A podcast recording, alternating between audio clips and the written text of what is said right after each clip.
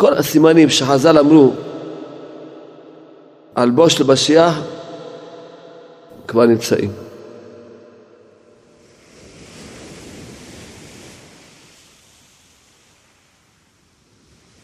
אבל יש עוד סימן אחד שעוד לא הגענו אליו.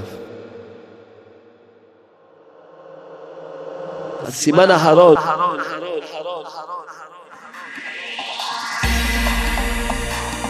להתבונן, לחשוב מה דורשים איתנו מהשמיים? מה עלינו לעשות? מה מבוקש מאיתנו? ארץ ישראל היא טובה מכל הארצות, למי? מי שדבק בתכלית. לא סתם חצי חצי. שומרים מצוותיו עובדי השם אמיתיים, הארץ הזאת טובה מאוד להם. אם עוברים על מצוות התורה, ארץ ישראל היא המקום המסוכן והאיום ביותר בעולם. הנהגה פה, הנהגה עליונה. בארץ ישראל. בדור שלנו, ניתן לכל הדורות. רואים עין בעין, רואים בהוש. מי חי טוב? רק מי שדבק להשם בתכלית. הנה השם לוקח הבא בראשית השנה ובתחלית השנה. כל סיפור זה שייך לכל הדורות. כל נבואה שייכת לכל הדורות. התורה היא נצחית, נצחית, נצחית, נצחית.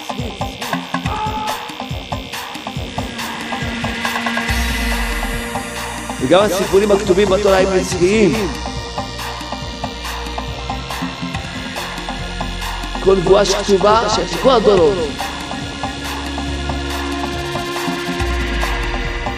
כל דיבור שכתוב בתורה לכל הדורות. כי התורה היא נצחית.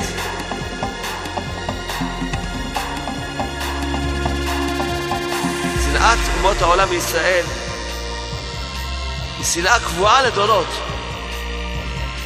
הכוללת כל האומות בכל המדינות בכל העולם. בלי יוצא מן הכלל. שום שכל לא עוזר. שום שכל לא עוזר. שום טבע לא עוזר. שום טבע לא עוזר. לאחר שכל הסימנים כבר התקיימו, ואנו כבר עומדים בסופם, בכל זאת עוד סימן אחד שצריך להתקיים, הסימן האחרון, האחרון, האחרון.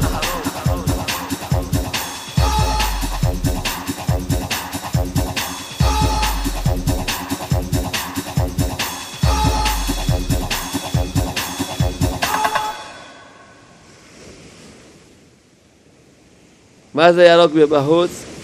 אדום מבפנים, יש לו גרעינים של אבטיח, הוא מתחיל בחטא.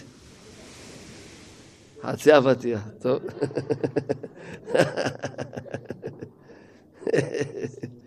טוב, אולי לא מספיק לכם, בואו נראה עוד משהו. עוד כמה בדיחות, נו. אדם בא לדואר כדי לשלוח חבילה, אז הפקיד אומר לו, שמע, זה כבד, אתה צריך עוד בול. אז הוא שואל אותו, אם נשים בול, אז זה יהיה יותר קל?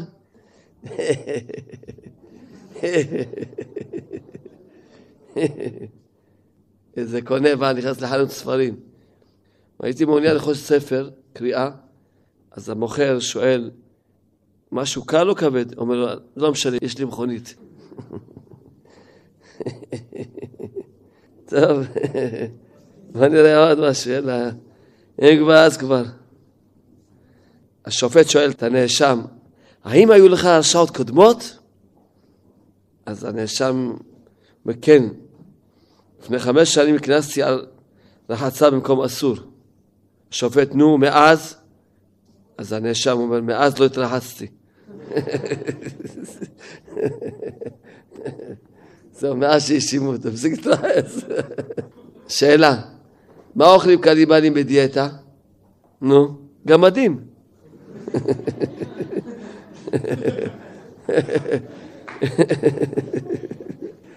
חולה אומר לרופא, דוקטור, אני שוכח הכל. הרופא אומר לו, קודם כל תשלם.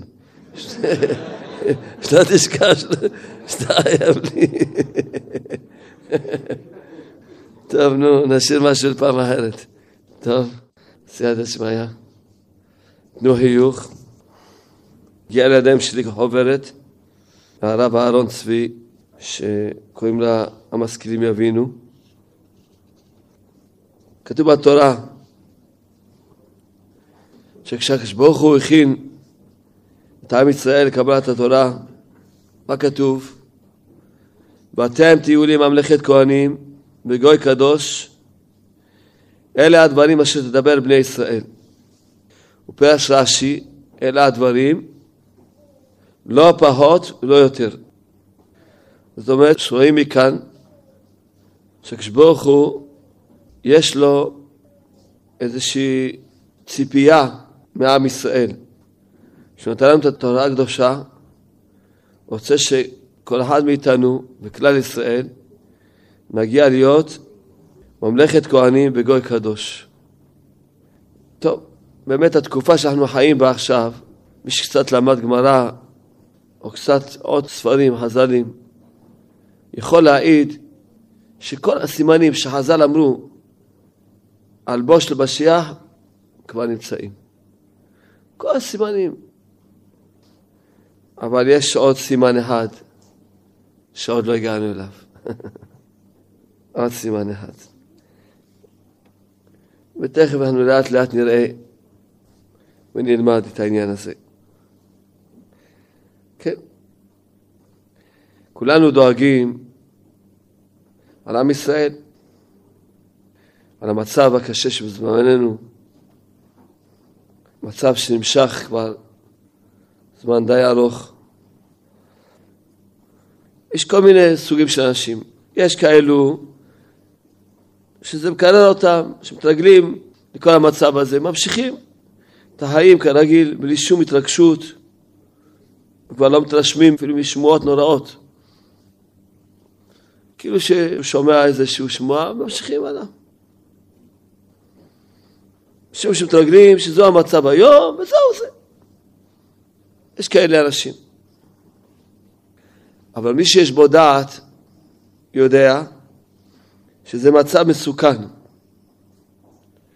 ואי אפשר להיות במנוחת הנפש.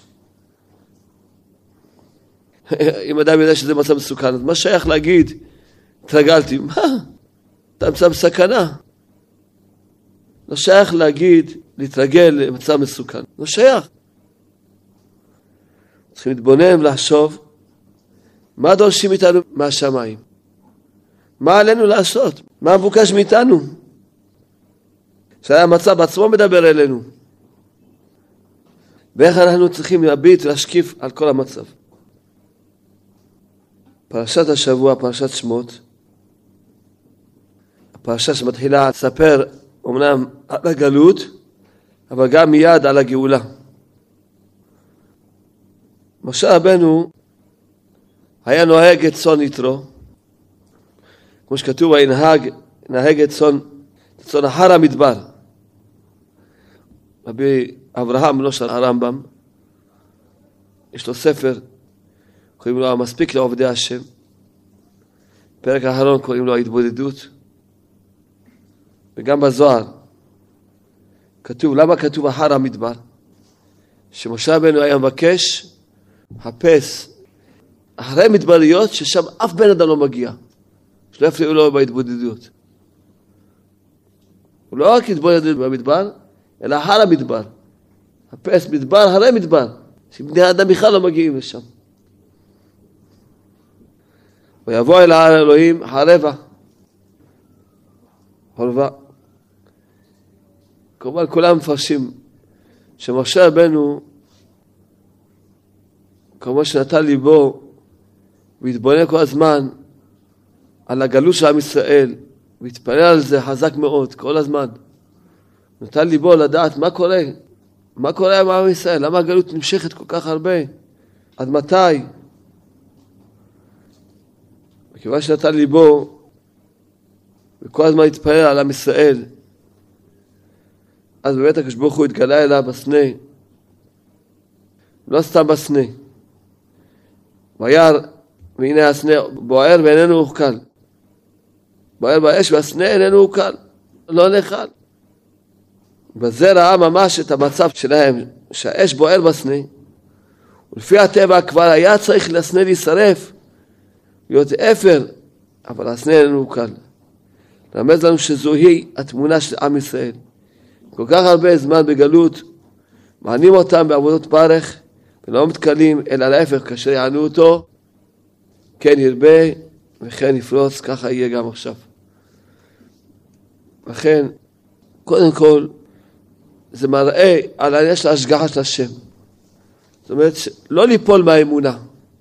כי מה קורה כשיש כזו גלות, כזה מצב קשה של עם ישראל, אז יש כאלה שבכלל לא אכפת להם, או שמתרגלים וזה עושה. יש כאלה שכן שמים לב לזה. שמים לב. עם ישראל בצרות. כשברוך הוא ודאי יש לו צער. הצרות הן גדולות מאוד, המצב מסוכן מאוד. ואז יש פה סיכויים של אותו בן אדם שמסתכל, הוא לא משלים מהעובדה, הוא לא אומר, טוב, התרגלתי, לא. אלא כואב לו, יש מצב שיכול ליפול בייאוש, בפחד. משה, התגלה לו השם דברך בסנה, לחזק אותו ואת כל אלה שאכפת להם מעם ישראל. שלא משלים עם העובדה. שתדע לך, אמנם, הנה יש אש בוערת בסנה, שזה יכולה אש, הייתה צריכה כבר לכלות את הסנה הזה. אבל איננו הוא קל. ככה עם ישראל. למרות מה שיהיה, יש השגחה של השם. והשגחה עושה שזה רק להפך, מה קורה? כאשר ענו אותו כן ירבך וכן יפרוץ. למה? כמו שאנחנו אומרים כל יום בתפילה, שהשם מלך ממית ומחיה. איך הוא מחיה על זה שהוא ממית? על זה שהשם שובר את הגאווה, אז צמיחת הישועה. מלך ממית ומחיה הוא ישועה. על ידי הממית, אז יש את המחיה ואת המצמיח ישועה. זאת אומרת, שגם מה שמענים את עם ישראל, וגם הצורך של עם ישראל, זה מכוון מהשם. בשביל מה? בשביל שיצאו מהגאווה, כמו שנלמד היום, את הסימן האחרון שחסר, ויצעקו לשם. לכן, כאשר יענו אותו, כן ירבה לפרוץ.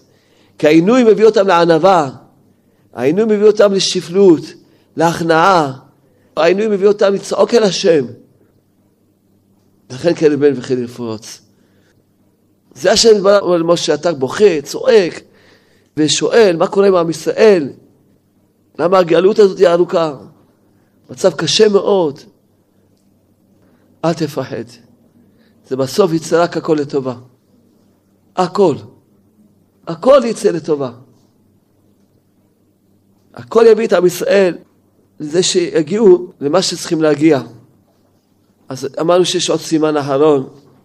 לפני שנדבר על סימן אחרון, אז בעזרת השם, קצת מהחפץ חיים, יש לי פה איזה שהם קטעים שגם נוכל להתבונן על המצב של היום בעזרת השם.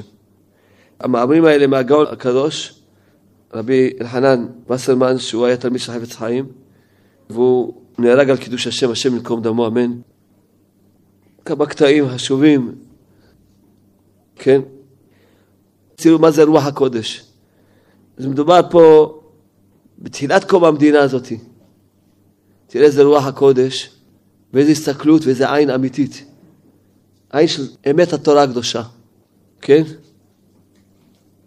כבר אמרתי, והנני חוזר ואומר, כי רוח החופשית השורה ביישוב החדש בארץ הקדושה הוא הגורם הראשי לכל הצרות שהתרגשו ובאו עליהם. מה הוא אומר? מדברים פה על תחילת קום המדינה ממש. שנים הראשונות של קום המדינה. אומר הצדיק הקדוש הזה, שהשם ינקום דמו, אומר, הרוח החופשית הזאת היא הגורם הראשי לכל הצרות שהתרגשו באו עליהם. ההשקפה הזאת מקבלת אישור מלא בכל התורה כולה. מה זאת אומרת, ההשקפה הזאת שכל הצרות באים בגלל הרוח החופשית, יש לה אישור מלא מכל התורה כולה. ובכדי למצוא אותה, אין צריך להיות דווקא בקיא בש"ס. מספיק אם למדו חומש עם מפרשים. ואפילו אם שכחו את החומש, די בפרשה שנייה מקריאת שמע, שאומרים כל יום והיה אם שמע תשמעו. בקיצור הוא אומר, כפי שאומר הרשב"ם, פרשת עקב, והארץ הזאת טובה מכל הארצות לשומרי מצוותיו. ארץ ישראל היא טובה מכל הארצות, למי? למי שדבק בתכלית. לא סתם חצי חצי. דבק בתכלית. שומרי מצוותיו, עובדי השם אמיתיים, הארץ הזאת טובה מאוד להם. קל להם, טוב להם, נעים להם. הכל בקלי קלות. ורעה, הארץ הזאת היא רעה מכל הארצות ללא שומרם, למי שלא שומר את המצוות, היא רעה מכל הארצות. אם עוברים על מצוות התורה, ארץ ישראל היא המקום המסוכן והאיום ביותר בעולם. אם לא שומרים על תורה ומצוות, ארץ ישראל המקום המסוכן והאיום ביותר בכל העולם כולו. הכי קשה. ומה הסיבה? כמו שאמרנו, הרוח החופשית. לצערנו הרב, ההפקרות הנוראה. לא צריך להסביר, כי כולנו חיים בחסדי השם פה, ולצערנו הרב רואים מה שרואים. אפילו שאנחנו כמעט לא רואים, ברוך השם, ודאי שפחות רואים מכל אחד, כי אנחנו לא מסתכלים על המקומות האלה כל כך, אבל את המעט שרואים כבר יודעים וחשים.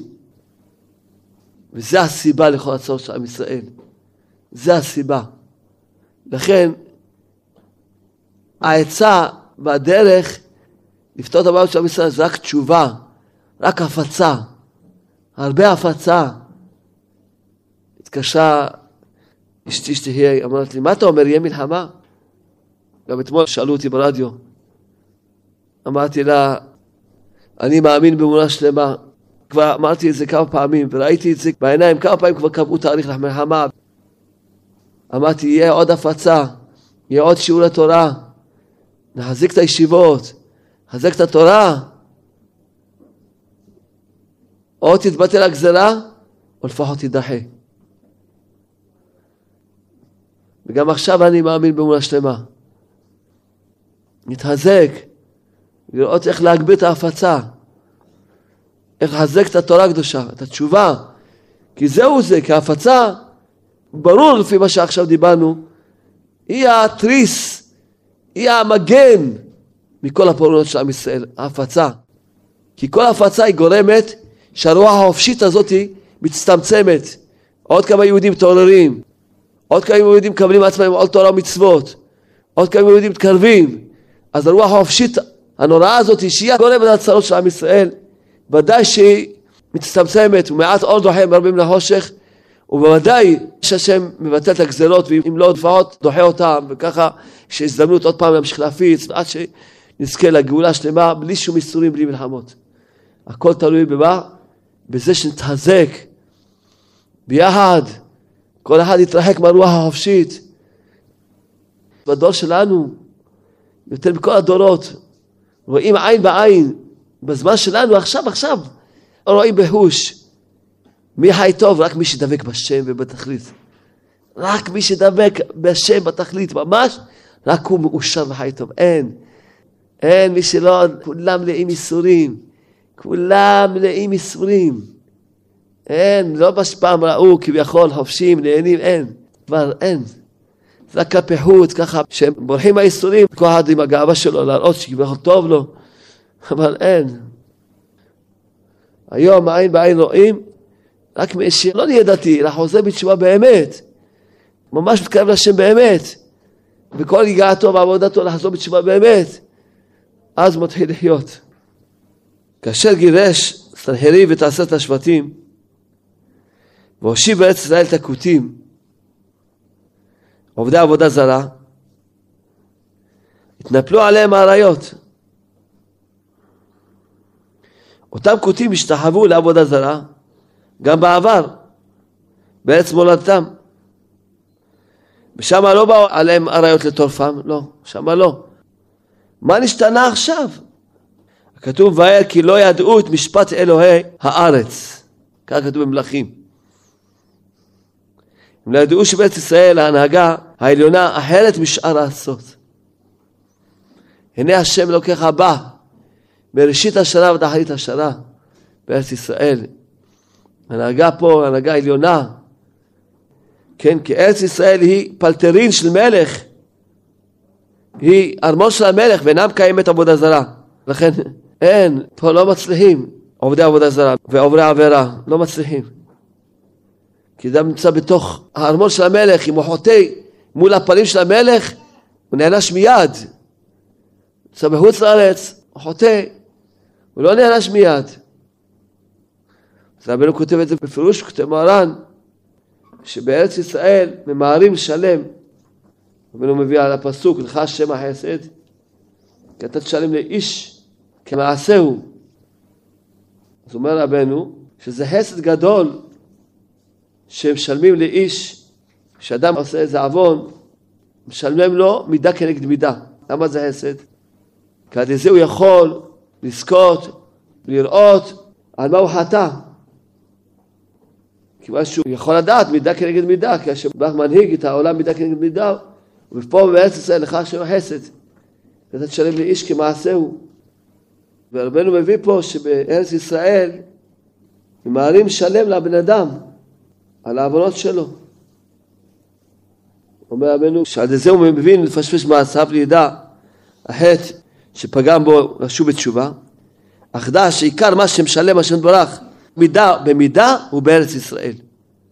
העיקר זה בארץ ישראל, כמו שכתוב, יגלו שמיים עוונו וארץ מתקוממה לו, מה זה ארץ? זה ארץ ישראל.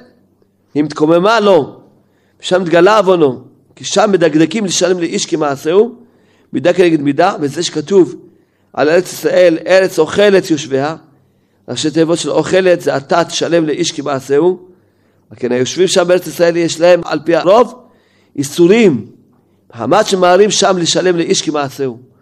ואני כותב את זה בתורה קפ"ז בפירוש, שפה בארץ ישראל מי שיושב מלא איסורים. למה? כי פה ממהרים לשלם. ועיקר מה שהשם ברוך מנהיג מידה כמידה, דווקא בארץ ישראל. לכן זה מתנה לגור בארץ ישראל. למי? למי שרוצה לחזור בתשובה. שמיד כשהוא טיפה זז, הוא רוצה לקבל את הסתירה לחזור בתשובה. הוא לא רוצה עד שיתער בדרך. הוא רוצה כמו איזה צאן, שעוד לפני שיתרחק הרבה מהעדר, מיד שיחזירו אותו לעדר. לא שיתרחק מאוד. הוא רוצה מיד שיחזירו אותו. על מי שלא רוצה לחזור בתשובה, אז ודאי לא טוב לו הדרך הזאת. הוא לא רוצה שייתנו לו מכות, הוא רוצה לחיות בטעויות שלו, לא אכפת לו שבשמיים אז ישלמו לו, לא מעניין אותו עכשיו, הוא לא רוצה, הוא רוצה עכשיו לחיות כביכול, וזהו. אבל מי שרוצה להיות עובד השם, אז ודאי שהוא שמח מאוד מאוד על זה שנותנים לו ישר סתירות, כי הוא רוצה להתעורר, מיד לחזור בתשובה, להבין על מה חטאתי, שמיד אני אתעורר, שלא יטעה בדרך הרבה. זה התחלנו להסביר על הכותים האלה, מיד שבאו לארץ ישראל, אז אה, הם כבר נענשו, מה שלא היה להם שם. כי פה בארץ ישראל יש הנהגה כזאת שפה אי אפשר. אין, עובדי עבודה זרה וכל אלה שעובדי עבירות לא מצליחים בארץ ישראל. כן? רק לעניין האמונה, שלצערי הרב הרבה אולי ברוך השם בדור שלנו הרבה פחות, אבל יש עוד כאלה שאומרים, אנחנו לא מאמינים בשום דבר. שידעו שזה שקר גדול. כי הם מאמינים גדולים. אלא שהם מאמינים במי שלא צריך להאמין. במי שצריך להאמין, אינם מאמינים. הם לא מאמינים בנביא האמת, שזה משה רבנו וכל הצדיקים בכל דור ודור. לא מאמינים. אלא הם מאמינים בנביאי השקר. כוח האמונה קיים בכל אדם. אבל כמו כל כוחות הנפש, כך גם כוח האמונה היא ביד האדם לנצלה במקום הנחוץ או במקום הבלתי נחוץ. בשעה שאין דעת תורה והאמונה חזקה עוד יותר, אז כמובן שעיני השכל עיוורות ובשביל להסביר את העניין הזה, שמעתי מאדם חכם, הוא אמר דבר נפלא. מאוד מאוד התעוררתי מהדבר הזה.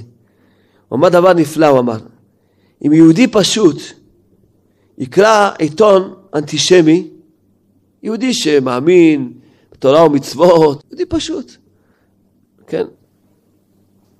כמו תלמיד חכם, אז יהיה קשה להטעות אותו.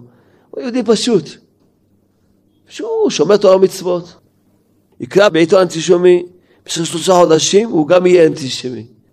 וזה הסבר נפלא למה שקורה עם עם ישראל. מה זאת אומרת? כולם מאמינים, רק למה הם מאמינים? לנביא השקר. ודאי ששומעים את כל ההכפשות על היהדות, וכל השקרים. ודאי שכל הזמן שומעים את כל הרדיפה ואת כל השנאה הזאת שמשניאים. אז ודאי שהם פשוט מאמינים לזה. עובדה שכל פעם פוגשים אנשים, אומרים, לא ידענו שככה זה. כל פעם שקורה למישהו שהיה אצל נביאי השקר, שזה העיתונות וכל התקשורת, שהם נביאי השקר, הם מאמינים, מאמינים גדולים מאוד. רק במי מאמינים? בנביאי השקר, במקום להאמין במשה רבנו, והצדיקים קדושים, בשמעון בר יוחאי, הצדיקים קדושים, שקיימו את התורה מאלף עד תו, ממש דבקים בשם בתורה. לא, מאמינים בנביאי השקר. אז ודאי שמאמינים. מה שהמאמר הזה אומר, שיהודי פשוט, אפילו שהוא שומע תורה ומצוות, אבל אם הוא שלושה חודשים יקרא עיתון אנטישמי, הוא יהפוך להיות אנטישמי. וזה להסביר לך מה קורה. לכן כשמדברים על ההפצה, שזה הישועה, כי כל פעם אנשים אומרים, מה, שמעתי קלטת, לא ידעתי שככה. לא ידעתי שככה זה היהדות. כל פעם אתה שומע תגובות כאלה, לא ידעתי, מה ככה כל כך יפה. לא ידעתי שיש כאלה אנשים. כל פעם אני שומע תגובות כאלה, לא ידעתי, שיקרו אותנו, רימו אותנו, הטעו אותנו. זה ההסבר של המצב של עם ישראל. הרוח החופשית ונביאי השקר, שבידם יש את הכלים הכי חזקים להפיץ את דעתם הרעה, זה המצב. במדרש הוא כותב שכל מה שיראה ליעקב אבינו יראה ליוסף בנו. זה גלה ממקומו, זה גלה ממקומו, זה אחיו מבקש להורגו, זה אחיו מבקש להורגו וכולי. הוא כותב פה שחז"ל מסרו לנו מפתח לסיפורי התורה מהאבות. כי מעשה האבות סימן לבנים. פרשת וישלח כותב הרמב"ן כי התורה היא נצחית וגם הסיפורים הכתובים בתורה הם נצחיים. דכל נבואה שלו צריכה לדורות לא נכתבה. לא כתבו שמה בתורה סיפור לאותו תקופה וזהו, אין דבר כזה. כל סיפור זה שייך לכל הדורות, כל נבואה שייכת לכל הדורות.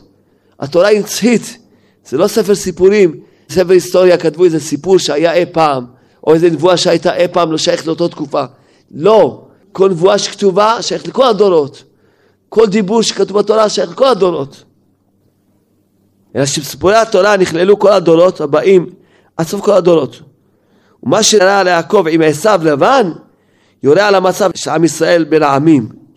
שהרמב"ן כותב בפרשת וישלח, לכל הפרשה הזאת היא פרשת הגלות, ומהתנהגותו של יעקב עם עשיו, ללמוד איך להתנהג בגלות. ואחר כך הפרשה שאחריה היא פרשת עקבית הדמשיחא, ומה שהוא מסביר פה דברים נפלאים, איך שכל זה, המלחמה הזאתי, של יעקב עם עשיו, הכל זה בא להסביר לנו על הגלות של עם ישראל. הוא מסביר פה דברים נפלאים. כיוון שזה לא נבואה לאותה תקופה, או זה סיפור של יעקב ועשיו, לא. התורה זה נצחית, היא שייכת לנו. צריכים להבין מה אנחנו צריכים ללמוד מהסיפור הזה. מה המלחמה הזאת של יעקב ועשיו. כן. ונראה הכוונה, יוסף הוא, שהוא הבעל חכים, מה שיראה לו עם אחיו ירמוז למצב התורה בישראל. שהוא דומה ממש למצב ישראל בין העמים. כשנתבונן היטב נמצא שכן הוא באמת, בכל הפרטים. כן, רש"י אומר, והנה ידוע, כי שנאת אומות העולם בישראל היא שנאה קבועה לדורות, הכוללת כל האומות וכל המדינות בכל העולם, בלי יוצא מן הכלל. כל הגויים שונאים את עם ישראל, כל המדינות. ולמה נקרא שמו סיני, חז"ל אמרו? שממנו ירדה שנאה לעולם. ומה שנמצאים באומות מאותן אוהבי ישראל, יש מיעוטם, אבל האומה כלליותה שונאת עם ישראל. יש, בכל אומה יש כמה גויים שאוהבים את עם ישראל. ובהבטחת הקדוש ברוך הוא לא מאסתים לא גאלתים לכלותם להפר בלתי איתם. בכל דור ודור עומדים עלינו לכלותנו. הקדוש ברוך הוא מצילנו מידם, וכן הוא ממש שנאת עמי הארצות לתקוע תורה קדושה את דמי החכמים. כמו שאמר רבי עקיבא, כשהייתי עם הארץ, הייתי, ומי תן לי תלמיד חכם ואשכנו כחמור. בדורנו אנו רואים בעינינו בעוונות רבים שנאת אלה שרחוקים מהתורה, איך שהם שונאים את התורה. הוא ממשיך להסביר את כל העניין של הפרשיות, אבל אני אקרא דבר חשוב מאוד מהחפץ חיים. אמר החפץ חיים, כיום מתחוללים בעולם במשך תקופה קצרה, הוא מדבר על הזמן שלו, ואנחנו צריכים עכשיו להגדיל את זה לזמן שלנו, בכמה? אומר החפץ חיים, שמתחוללים בעולם במשך תקופה קצרה שינויים אשר היו לפנים זקוקים למאות שנים. אומר שינויים שפעם לקח כמה מאות שנים, קורים בכמה שנים. זמן קצר, ואצלנו עכשיו כבר קורה בכמה חודשים, או כמה ימים כבר. ואם אנו כי גלגל הזמן מסתובב במהירות בזק, מה עשה השם לנו? למה יש לנו עלינו תנאים שככה קורה? השאלות אלו ענה חפץ חיים בשמיים נתגבבו מימי בראשית עד היום הזה. חשבונות עד אין מספר. יש הרבה חשבונות מאז בריאת העולם עד היום, או מלא חשבונות. הרבה אנשים חייבים, הרבה. יש להם חובות גדולים מאוד. טרם ביאת המשיח יש לפרוע חשבונות אלה. מפני שהגאולה תבטל את היצר רע, ועל כך יחוסלו כל עסקי העולם, הזה התלויים ועומדים במלחמת היצר, על כן שומה על כל נפש ונפש לפרוע את שנשארה חייבת לשמיים. היות ובימי המשיח קרובים מאוד, הכרחי לזרז את התהליך הזה. ביום שהחפץ חיים הז"ל הביע דעה זו, על הקצב ההשתלשלות המאורעות בעולם בין לילה, ממש יראה מה שדרש לפנים זמן על של דורות רבים. דומה כאילו גלגל הזמן הזה היה מתקדם תחת לחץ של פקודה.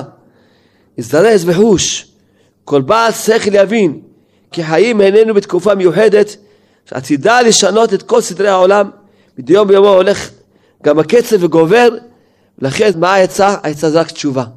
כי כל אחד יש לו חובות מגלגולים, ורוצים לפרוע את החובות. וכל שכן שעכשיו רוצים לפרוע את החובות שעכשיו, העצה זה רק תשובה שלמה.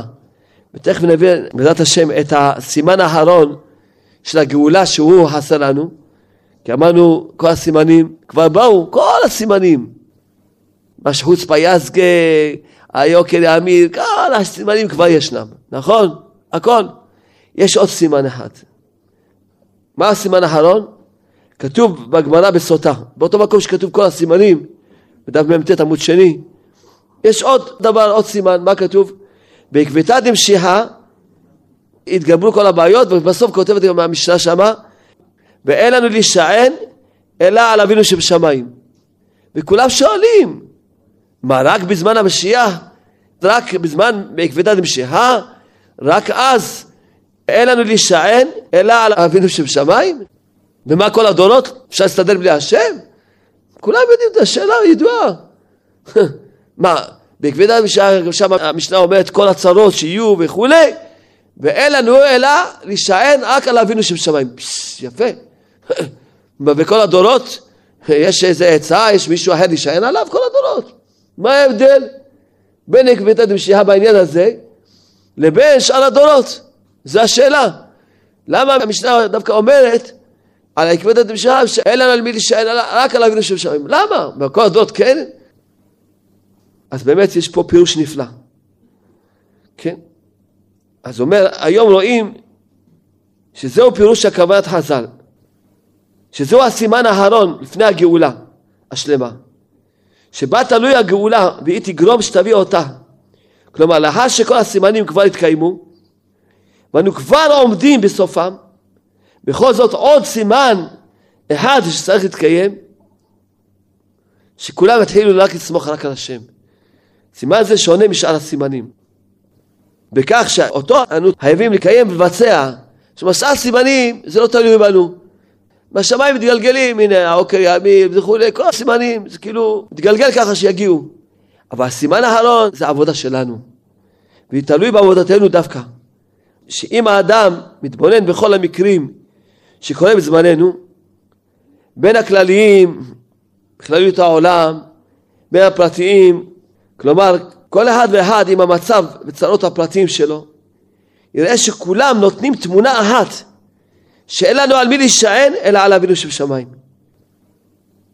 המצבים שקורים היום בדור, שכל אחד עומד במצב שהוא רואה אין לי שום עצה, חוץ מתפילה, באמונה, להתקרב לשם, אין לי שום עצה. דוגמה, יש לדאבוננו בכל כך הרבה בתים בעיות של עצבים, לחצים, חולאי נפש, וכל הרופאים וכל הפסיכולוגים, עם כל ההתקדמות שלהם אינם פותרים את הבעיות. ומתווספים יום יום, זה מראה לנו שהחוכמה והשכל האנושי לא עוזרים כבר, ולא מצליחים לפתור בהם את הקשיים והצרות. לכן מה נשאר לנו? רק אין לנו, אלא להישען על אבינו של שמיים, רק תשובה. שמתחילים להבין, רק תשובה, תפילה וצדקה, רק אמונה והתבודדות, רק זה. המחלה הקשה הנוראה הזאת, שאין לה תרופה. מה אצלן? יום יום אתה שומע זה מת במחלה, זה מת במחלה, זה מת במחלה. צעירים חולים במחלה. אפילו התרופות בדרך כלל עושות את החולים יותר מהר אפילו. כל הכימותרפי, כל הדברים, רחמן אצלן. מה שמביא דברים בדור שלנו, שאדם יבין שאין שם עצה. רק תפילה, תשובה וצדקה, רק אמונה,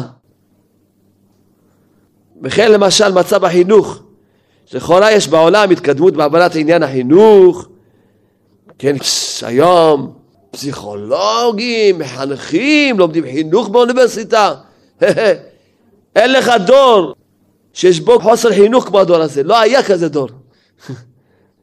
והחינוך, מה זה הרס? אז איפה כל שיטות החינוך? פשיטת רגל. החינוך החינוני הרוח החופשית פשיטת רגל. וההורים סובלים סבל נורא מהילדים שלהם. נורא מאוד. אין לנו מה לעשות? לא חינוך, לא פסיכיאטרים, לא פסיכולוגים, שום דבר. רק מה? רק להרים עינינו לשמיים. זאת אומרת שהסימן האחרון הזה שהוא חסר, נכון, בכל הדורות אין לנו להישאר רק לשמיים, אבל בכל הדורות, השם ברוך עוד לא כל כך ראה את זה בצורה כזאת, כי אדם עוד יכל לטעות, לחשוב שיש כוכבים רוצים לידי, הוא יכול להצליח. אבל בדור שלנו השם עושה את הכל, שיראו כולם, שהכל יפשוט את הרגל. ממש. החברות הכי גדולות בעולם פושטים רגל בפתאומיות.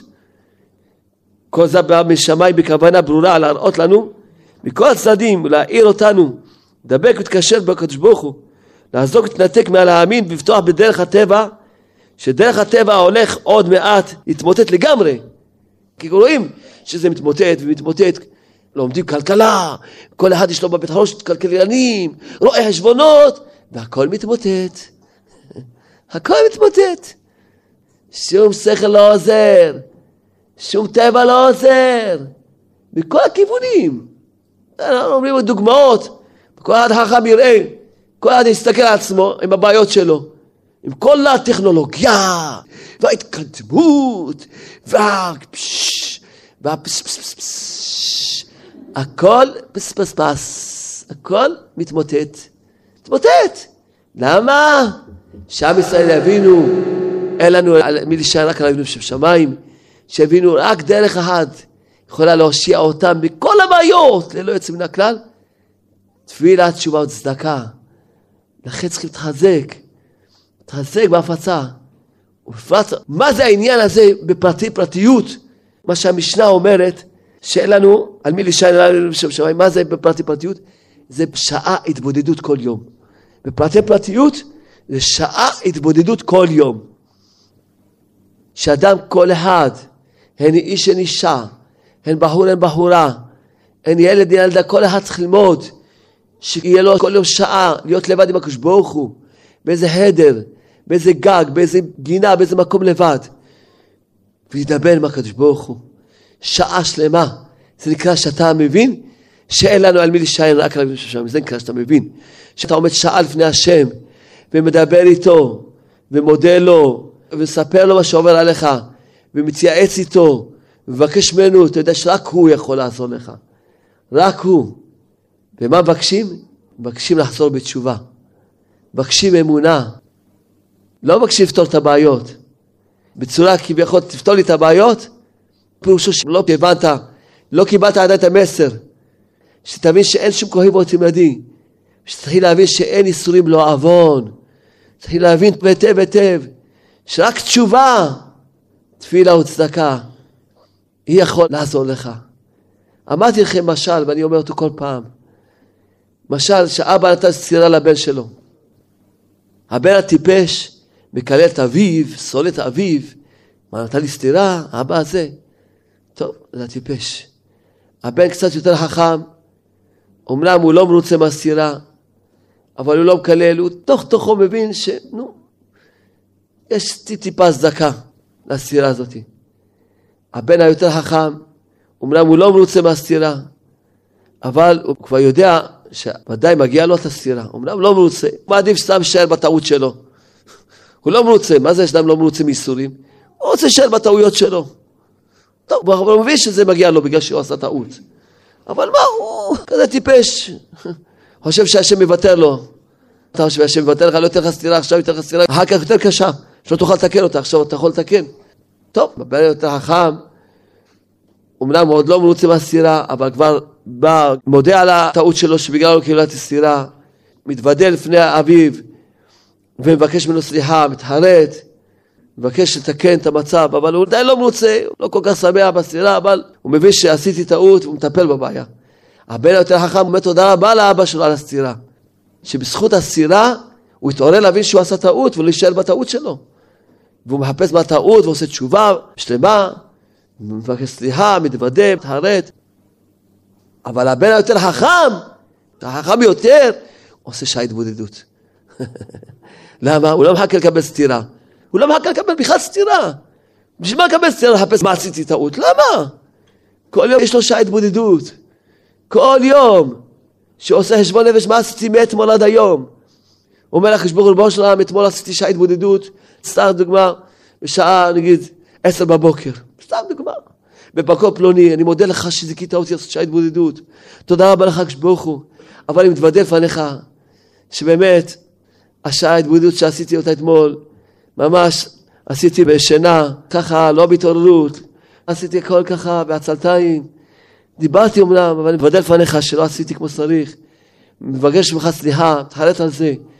תחם עליי הקדוש הוא, תזכה אותי, להתבודד היום כמו שצריך, וכל יום, בהתעוררות, תזכה אותי, מתפלל עכשיו על ההתבודדות, שיזכה אותו הקדוש הוא, קרב אותי להתבודדות, ככה מספר השם ברוך, ומספר השם ברוך, ואחר כך מה עשה, הלך ללמוד תורה, או הלך לעבוד, או הלך לזה, כל דבר מספר, התפללתי מנחה, תודה רבה לך שהתפללתי מנחה, אבל אני מבדל לפניך, שדילגתי, התחלתי רק ככה, ובכלל לא ידעת מה שאמרתי, רק רציתי לגמור את המנחה, רק רציתי להתפתל ממנה. מבקש ממך סליחה, מתחרט, תרחם ברוך הוא, תקרב אותי לעבודת התפילה, שנזכה לאהוב את התפילה, שנזכה להתחבר אליך בתפילה. מה יעבור על החיים שלי בלי תפילה? תספר השם, מבקש מהשם. כשאדם עושה כל התבודדות, במשך החיים שלו הוא מתפלל על כל דבר ודבר הרבה פעמים. כי תזכרו היטב, מה שאמר רב נתן, דבר קטן שכולל סיכום לכל החיים. מהו הדבר הקטן? רב נתן אמר, איפה שאני רואה חיסרון, או שלא יתפללו בכלל על דבר הזה, או שיתפללו מעט. כל החיסרון שיש לכל אחד בגלל שלא יתפלל על דבר הזה. אדם חושב שמישהו מפריע לו, מישהו לא נותן לו, אין דבר כזה, הכל חסר לך תפילות. אף אחד לא מונע אותך, השם מונע אותך, השם מעכב אותך, השם מרחיק אותך, כי חסר לך תפילות, אין כוחי ועוצם ידי. אין לנו. על מי להישאר רק על אבינו ששם, רק התבודדות, תפילה. שאדם ירבה בתפילה על כל דבר בדבר. כי אדם חושב שאולי פלוני מעכב אותו, פלוני מפריע לו, פלוני מקלקל לו, אין כזה דבר.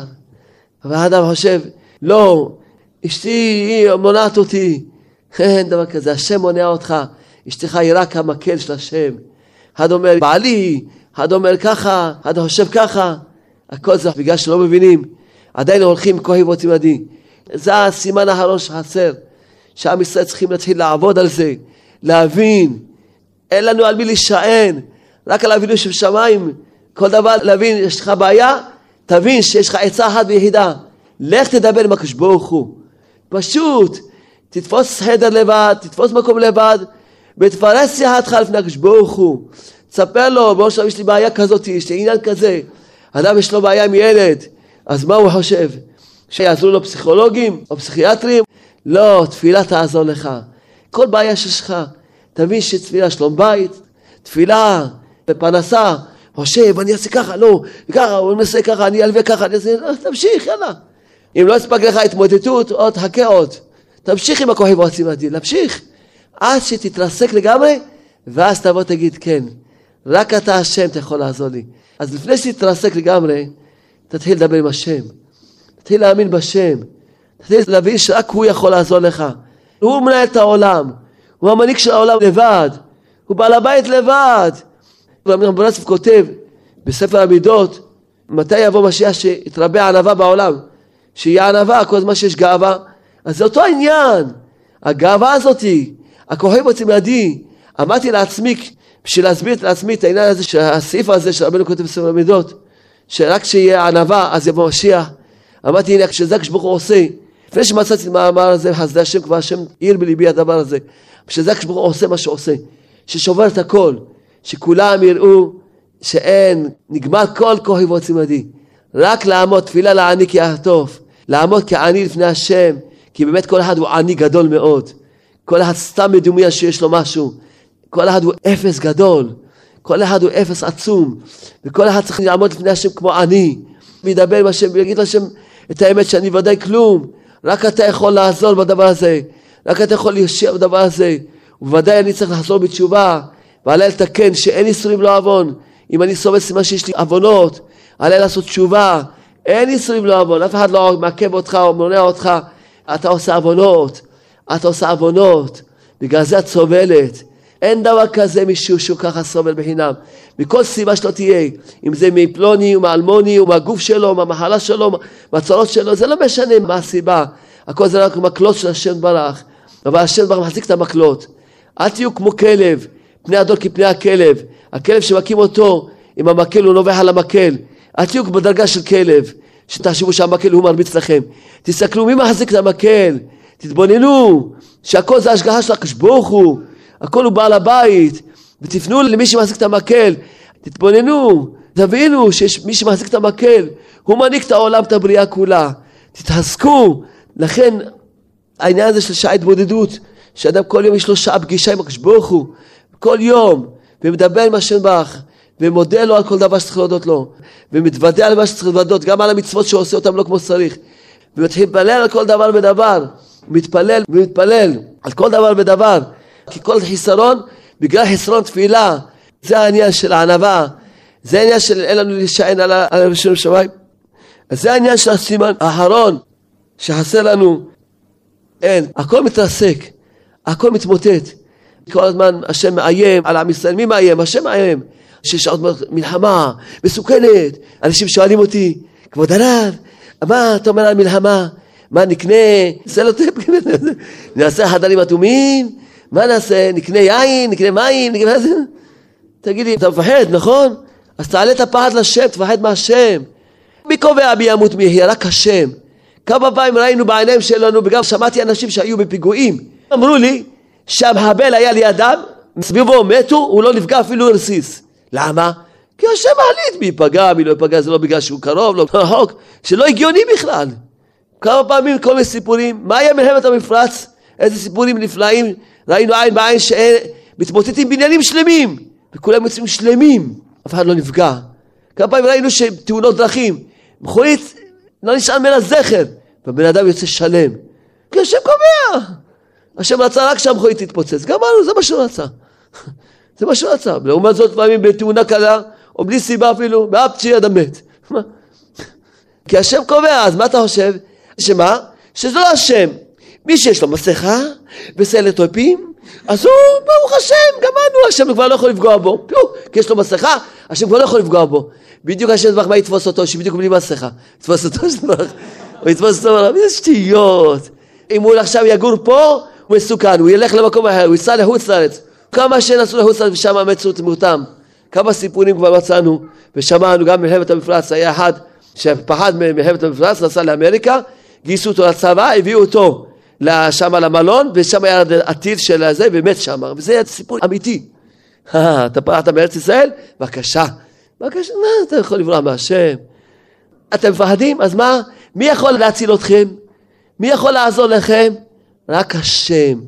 עם מסכה או בלי מסכה?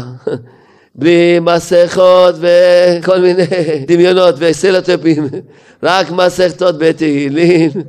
מה קרה איתכם? מה קרה איתכם? אין, השם ברך יביא את עם ישראל, אם לא במוח, בכוח. למה? לענווה. שכל אחד ידע שהוא אפס, והוא יתחיל לעמוד לפני השם וידבר עם השם. לא סתם בגאווה יבוא, יבוא בתפילה לעני. מה שאנו, אין ארוך לך, השם אלוקינו, בעולם, בעולם הזה, ואין זולתך. זולתך מלכנו, לחיי העולם הבא. אין ארוך לך, השם אלוקינו, בעולם, בעולם הזה, ואין זולתך, זולתך מלכנו. לחיי העולם הבא. אפס, בלתך גלנו לימות המשיח והן דומה לך מושיענו לתחיית המתים כולם אפס אפס מילתך גאלנו לימות המשיח לעזור לכם כלום, כולם ירגישו אפסים, אם לא במוח בכוח. השם ישמור את כל הגאווה, את כל הטבע, את כל הכהים רוצים ידי. אתה חושב, לא, אני עכשיו מאיים, אני עכשיו כועס, תכעס, תאיים, יאללה, יאללה, יאללה. אפס בלתך גלנו למות המשיח ואין דומה לך לתחיית המתים אפס בלתך כולם אפסים כל אחד אפס אפס אפס אפס, אפס, השתמשנו. מה אתה חושב? אתה חושב אתה עושה חסד, אתה עושה חסד? איך הגמרא אומרת? יותר מה שבעל הבית עושה עם העני, העני עושה עם בעל הבית. בעל הבית נותן לעני כסף, לכאורה מי נתן למי? בעל הבית. אומרת לא. העני עושה איתו חסד יותר, כי הוא קיבל חיים זכות זה. מה אתה חושב, אתה עושה חסד? אתה עושה טובה? בזכות החסד אתה חי בכלל. בזכות החסד אתה מצליח, השם איתך בכלל. מה אתה חושב? מה אתה חושב? על מי אתה מתגאה? על מי אתה כועס? תתחזק באמונה. כולם ידעו שהם אפסים. אין איסורים לא עוון. אתה סובל, אתה חוטא. את סובלת, את חוטאת. תעשי תשובה, תעשה תשובה. אין איסורים לא עוון. וזה עיקר ההתבודדות, שאדם לא יחכה יקבל סטירה, ואז יגיד, מה קיבלתי סטירה? בשביל מה אתה מטומטם כזה? כל יום תעשה שעה התבודדות, ואתה יודע טוב מאוד את העוונות שלך, תתוודע עליהם, תבקש עליהם סליחה, תתענף לבוא לעולם שימחל לך, שיקרב אותך. תגידו לי, אדם נורמלי, קצת מנומס, אם הוא פוגע במישהו, הוא מבקש ממנו סליחה? נכון? אתה פוגע כל יום בקדוש ברוך הוא, למה לא תבקש ממנו כל יום סליחה? תדבר עם השם שעה כל יום, תבקש מהשם שיקרב אותך וירחם עליך. וכל אחד יתחיל לדעת שזה הסימן האחרון. לכן צריכים להפיץ את הקלטות שמדברות משעה התבודדות, מדברות מאמונה, שצריכים לדבר עם השם, שהכל זה רק השם, שאין עוד ודו. להפיץ בהרבה, בכמויות, וזה מה שצריכים. אתם מפחדים מהמלחמה? אז תעסקו בהפצה. קודם כל אתם תשמעו ראשונים, תתחילו לחזור בתשובה, וגם תפיצו שעוד אחרים. רק זה הדרך. השם יזכה את כל עם ישראל, וכולם שיזכו לדעת שבאמת אין לנו על מי לשען, רק על אבינו שבשמיים, וכולם יתחילו לפנות לשם ולבקש מהשם, תענה לפני השם, שבאמת כל אחד יזכה לתשובה שלמה, בא לצלול גואל מתי? הוא שווה פשע שהפושעים יחזרו בתשובה, כולנו פושעים, כולנו נחזור בתשובה, ואז יבוא הגואל בעזרת השם.